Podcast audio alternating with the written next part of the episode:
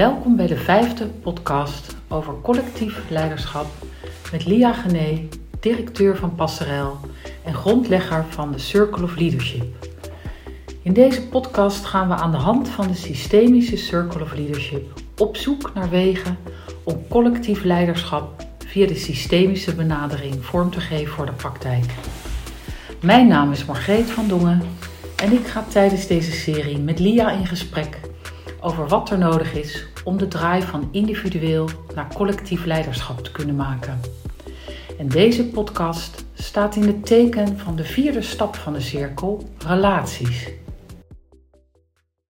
In de eerdere podcast hebben we gekeken hoe je vanuit je identiteit intentioneel de wereld inloopt, waar je allerlei kwesties tegenkomt en je op basis van context acteert op de relaties die je daarin tegenkomt. Lia, waarom is het thema relaties onderdeel van de cirkel? Omdat het eh, per definitie zo is dat je je altijd in relatie tot iets verhoudt. Dus ik verhoud me zowel tot mezelf en mijn eigen relatie, als dat ik met alle kwesties waar ik mee van doen heb eh, in relatie sta tot mijn omgeving, tot de mensen die daarin uh, van een rol spelen in de context waarin ik verkeer maar ook alle omgevingsfactoren. Dus ook de dingen of de ruimte uh, of de samenleving. In al die facetten verhoud ik mij. En welke vragen kun je je daarover stellen als er een kwestie speelt? En wat van belang is, is om in elk thema waarin je werkzaam bent, ook in organisaties, is dat je systemisch gesproken wilt waarnemen hoe de onderlinge verhoudingen van al die relaties uh, hun samenspel hebben. Dus je gaat je afvragen, systemisch, welke afstand is er tussen de ene relatie of de andere relatie?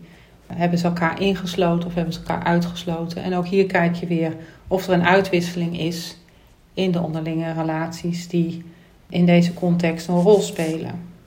En welke plek heeft dan elke relatie in de context van deze vraag of deze kwestie waarin uh, gewerkt wordt? En welke principes uh, hanteert men vanuit de waarden die geldend zijn binnen deze organisatie? Hoe krijg je daar zicht op? En hoe word je je bewust van het samenspel hierin? Door met elkaar als collectief uh, ruimte en tijd te willen nemen om samen op onderzoek te gaan vanuit de wetenschap dat we in een levend sociaal systeem ons bevinden. En het uh, willen in beeld brengen met elkaar welke relaties en omgevingsfactoren, ook horen bij die relaties, allemaal een rol spelen bij de kwestie die nu voor ligt. En vervolgens dan met elkaar uh, in gesprek te willen gaan over wat zien we dan als we dat allemaal in beeld hebben gebracht als een soort netwerk van relaties, waarbij je ziet hoe de delen zich tot elkaar verhouden, uh, maar ook hoe ze zich tot een groter geheel in die organisatie verhouden. Wat zie je dan met elkaar, nogmaals op wat ik al eerder zei, wat we met elkaar dan insluiten, maar wat we ook buiten ons willen houden. Welke ordening we aanbrengen. Wat was er dan het eerst of wat kwam daarna? En kunnen we ook zien dat iets graag misschien al tot een einde wil komen, maar dat steeds toch vastgehouden wordt. Dus willen we dat met elkaar eh, in gezamenlijkheid onderzoeken en bespreekbaar maken. En welke waarneembare patronen zie je vaak rond relaties? Nou, wanneer je met een kwestie te maken krijgt in een organisatie die vaak om een antwoord vraagt voor de toekomst, zie je regelmatig dat het bewegen naar de toekomst toe of de toekomst naar je toe laten komen, niet voor alle relaties binnen de organisatie even eenvoudig is. Een levend sociaal systeem houdt per definitie niet zomaar van grote veranderingen. Dus heeft de neiging om vast te willen houden aan het bekende. En in een organisatie zie je dan ook vaak uh, dat wanneer we met een vraagstuk zitten, dat er een toenemende spanning of druk in het systeem kan komen. En wat gaat het systeem dan doen als het uh, een spanning uh, ervaart? Vooral uh, proberen om zo snel als kan voor het systeem als geheel weer rust te creëren. En dat doet, het, dat doet dat systeem door in houding en gedrag patronen in werking te zetten die daaraan kunnen bijdragen. Zo kun je, dat zal iedereen wel bekend voorkomen, zie je dat mensen zich vaak meer gaan identificeren met hoe we het altijd al gedaan hebben. Dus loyaal zijn aan hoe we het altijd gedaan hebben. En daaraan vasthouden. Ook krijg je vaak te zien dat mensen meer gaan spreken in uh, wij-zij in een organisatie. Vaak zie je dat zij, dat is dan het management, en wij als professionals, dus polariseren in de in de organisatie, wat we ook in de samenleving zien, het vooral tegenover elkaar komen te staan, is iets wat je regelmatig ziet gebeuren. Wat versterkt wordt wanneer uh, identificatie aan het oude ook aan de orde is. Soms zie je in een organisatie dat er ook een uh, energie komt van uh, wat we ook wel noemen systemisch slachtoffer-daderdynamiek.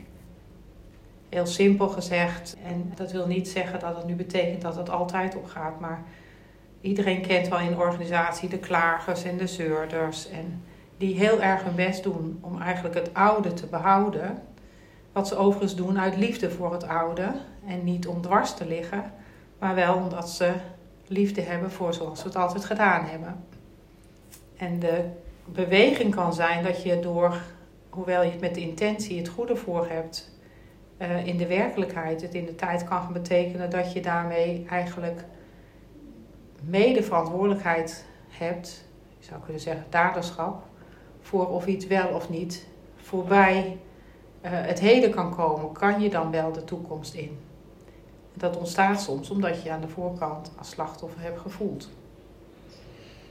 Wat hebben we dan in onszelf te doen? In onszelf. Hmm. Ja, we spreken over collectief leiderschap. Dat betekent dus dat we met een groter geheel en de onderling, eh, onder, uh, onderlinge samenhang van de delen uh, proberen te blijven bewegen. En wat ik dan zelf te doen heb, is me realiseren dat ik als persoon een deel ben in dat grote collectief, maar dat ik in dat deel ook mijn eigen persoonlijke dynamiek heb wil zeggen dat ik voor mezelf heel helder moet hebben. Wat is dan mijn persoonlijk waardesysteem, wat ik als uh, fundament heb en die mij richting geeft en dus ook mijn intenties steeds uh, medestuurt in hoe ik me beweeg in de werkelijkheid. Dus ik moet voor mezelf steeds heel goed weten hoe kan ik me verhouden tot de veranderingen? Hoe ga ik daar in mijn eigen deel mee op? om? Kan ik zelf helder blijven staan in mijn eigen deel, om daarna ruimte te ervaren om uh, in verbondenheid met het collectief in beweging te houden? Kan je daar nog, wat meer op ingaan, Lia? Want uh, het lijkt tegenovergesteld aan elkaar te zijn. Hè? Dat je je eerst verhoudt tot je eigen waardesysteem, dat je daarin stevig staat en dat dat toch meer ruimte oplevert voor het collectief. Ik begrijp dat het tegenstrijdig klinkt. Dat als we het over collectief hebben en dan toch eerst ook weer over het individuele spreken.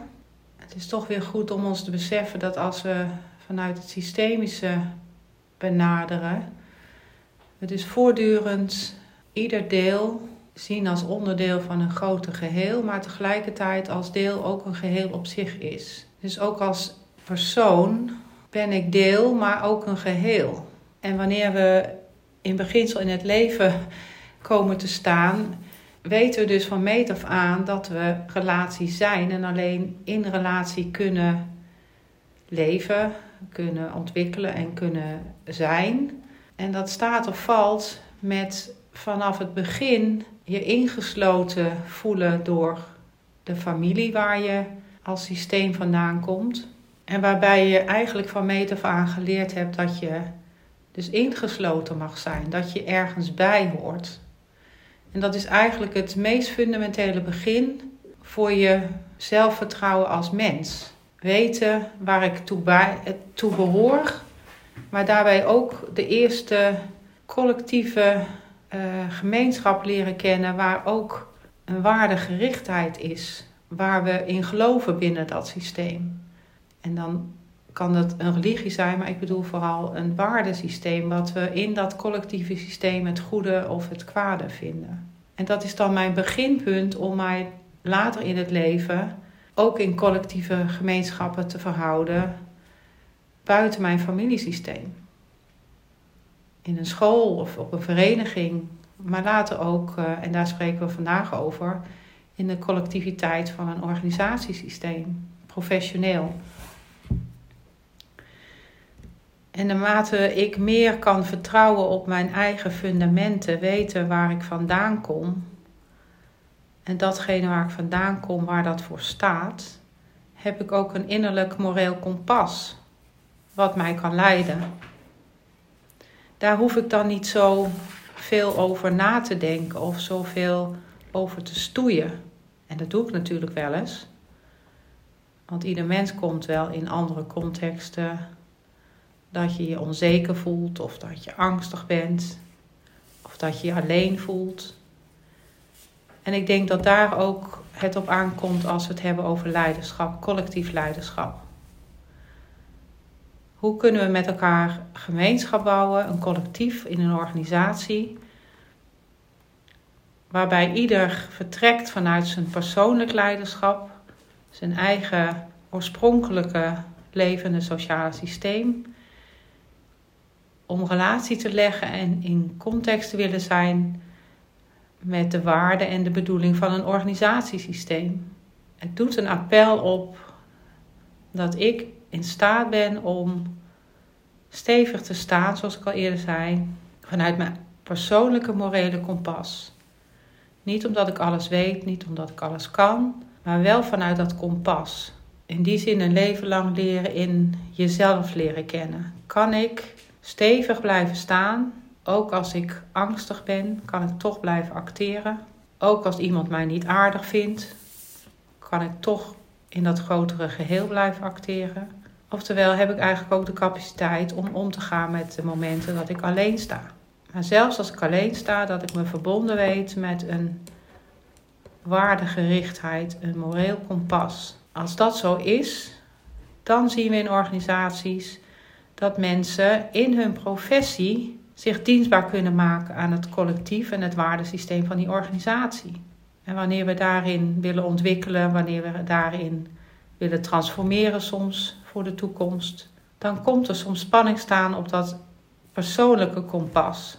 En de mate waarin we steeds beter, ook op persoonlijk niveau, daar woorden aan kunnen geven, maar ook stevig kunnen staan, dan kunnen we de ruimte instappen voor dat grotere collectief en dienstbaar blijven om samen een groter geheel uh, vooruit te helpen. En een gezamenlijk verhaal te schrijven. En een gezamenlijk verhaal te schrijven. Wat zie je aan actuele bewegingen in onze samenleving die ook hun werking hebben in organisatiesystemen?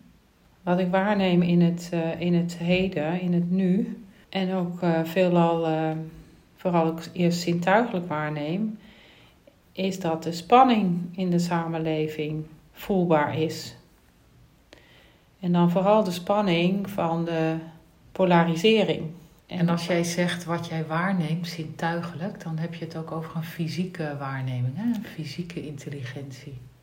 Ja, dan heb ik het over uh, dat je met je hele lijf, met je hele fysieke, alle zintuigelijke waarnemingen, je gehoor, je reuk, maar ook je ademhaling, je spierspanning, dat je eigenlijk altijd onmiddellijk waarneemt met je hele lijf wanneer je in een context stapt waarin je spanning waarneemt of waarin je ontspanning waarneemt. Waarin je ervaart of het prettig is of wat jij onprettig ervaart. En eigenlijk is dat je eerste informatiekanaal. Waarbij je ook kan ervaren, ik wil erbij weg of ik wil er naartoe. En je ziet nu een aantal actuele bewegingen in de samenleving waar die spanning is. Ja. en iedereen kent de voorbeelden van in onze samenleving van afgelopen jaar. Of, we hebben natuurlijk de coronaperiode gehad. Maar we hebben alles rondom het klimaat, ehm, rondom de boeren, toeslagenfraude. Nou, er zijn legio voorbeelden. En wat we, wat we waarnemen is de spanning die er ontstaat, maar ook vooral het patroon wat leidend lijkt te zijn op dit moment in deze kwesties, is het patroon van polariseren. Waarbij we in tegenstellingen komen en tegenover elkaar komen te staan. En je bent of je hoort bij de ene kamp of je hoort bij het andere kamp. En ook deze polarisatie zien we terug in, in organisaties. Want ook organisaties uh, zijn in beweging, zijn in ontwikkeling en hebben soms ontzettend grote opgaven voor de maatschappelijke vraagstukken uh, van vandaag. De zorg, het onderwijs, noem het maar op. En ook daar zie je in de organisaties uh, de polarisatie ontstaan. Enerzijds zijn we in onze samenleving heel erg gericht op gelijkwaardigheid in onze organisaties. Dus we hebben heel veel vaak geïnvesteerd in organisaties platter maken in, uh, qua structuur. En de toegankelijkheid naar elkaar vergroten. Ook een appel doen op het eigenaarschap. Uh, maar tegelijkertijd uh, de verticaliteit in organisatie. of anders gezegd, ook een heldere hiërarchische structuur. Die hebben we veelal losgelaten, of in ieder geval steeds minder belangrijk gevonden. En je zou kunnen zeggen, in een organisatie zou die heel erg belangrijk zijn uh, in het collectief, omdat die een bescherming is uh, voor de hele organisatie, omdat die helderheid geeft over ieders plek in de organisatie en ook daarmee weet wie waarvoor verantwoordelijk is. En dat geeft een, uh, eigenlijk ook een goede bescherming voor iedereen die kan werken in de organisatie. Dus de spanning daartussen, enerzijds Anderzijds zien we de polarisatie tussen, nou, gaat het nu om de persoon die in deze organisatie werkt? Of gaat het om de functie waarvoor je in deze organisatie uh, dienstbaar wilt zijn? Die, uh, die stoeien ook met elkaar. Veelal uh, voelen we ons persoonlijk betrokken op het werk wat we willen doen. En hebben niet altijd helder voor ogen dat het voor die organisatie en de bedoeling van die organisatie de functie van de professie die ik vertegenwoordig te doen is. En dat die eigenlijk op de voorgrond zou moeten staan en niet mijn persoonlijke belangen en gewin.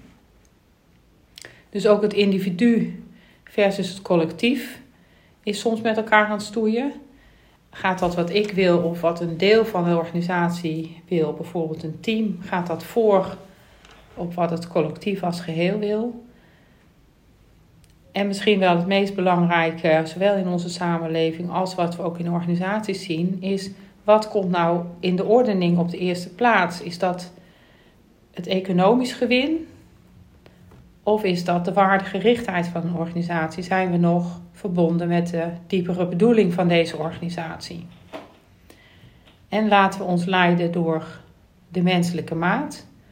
Of zitten we in de andere pool en worden we geleid door de regels en de procedurele kant. Allemaal tegenstellingen en polariteiten die we en in de samenleving, maar ook in onze organisaties terugzien. En de opdracht is denk ik dat alles te zien, te onderkennen, ook in te sluiten en met elkaar in het collectief daarin de goede uitwisseling vorm te geven en de goede maat weten te vinden. Dankjewel eh, dat je ons mee wilde nemen in het thema relaties in de Circle of Leadership en de consequenties voor ons persoonlijk en collectieve leiderschap eh, hierin. Je luisterde naar een opname van Collectief Leiderschap, de podcast van de Circle of Leadership. In de volgende podcast gaan we in op de vijfde stap in de cirkel, de leidende principes en wat die in de transitie naar collectief leiderschap kunnen betekenen.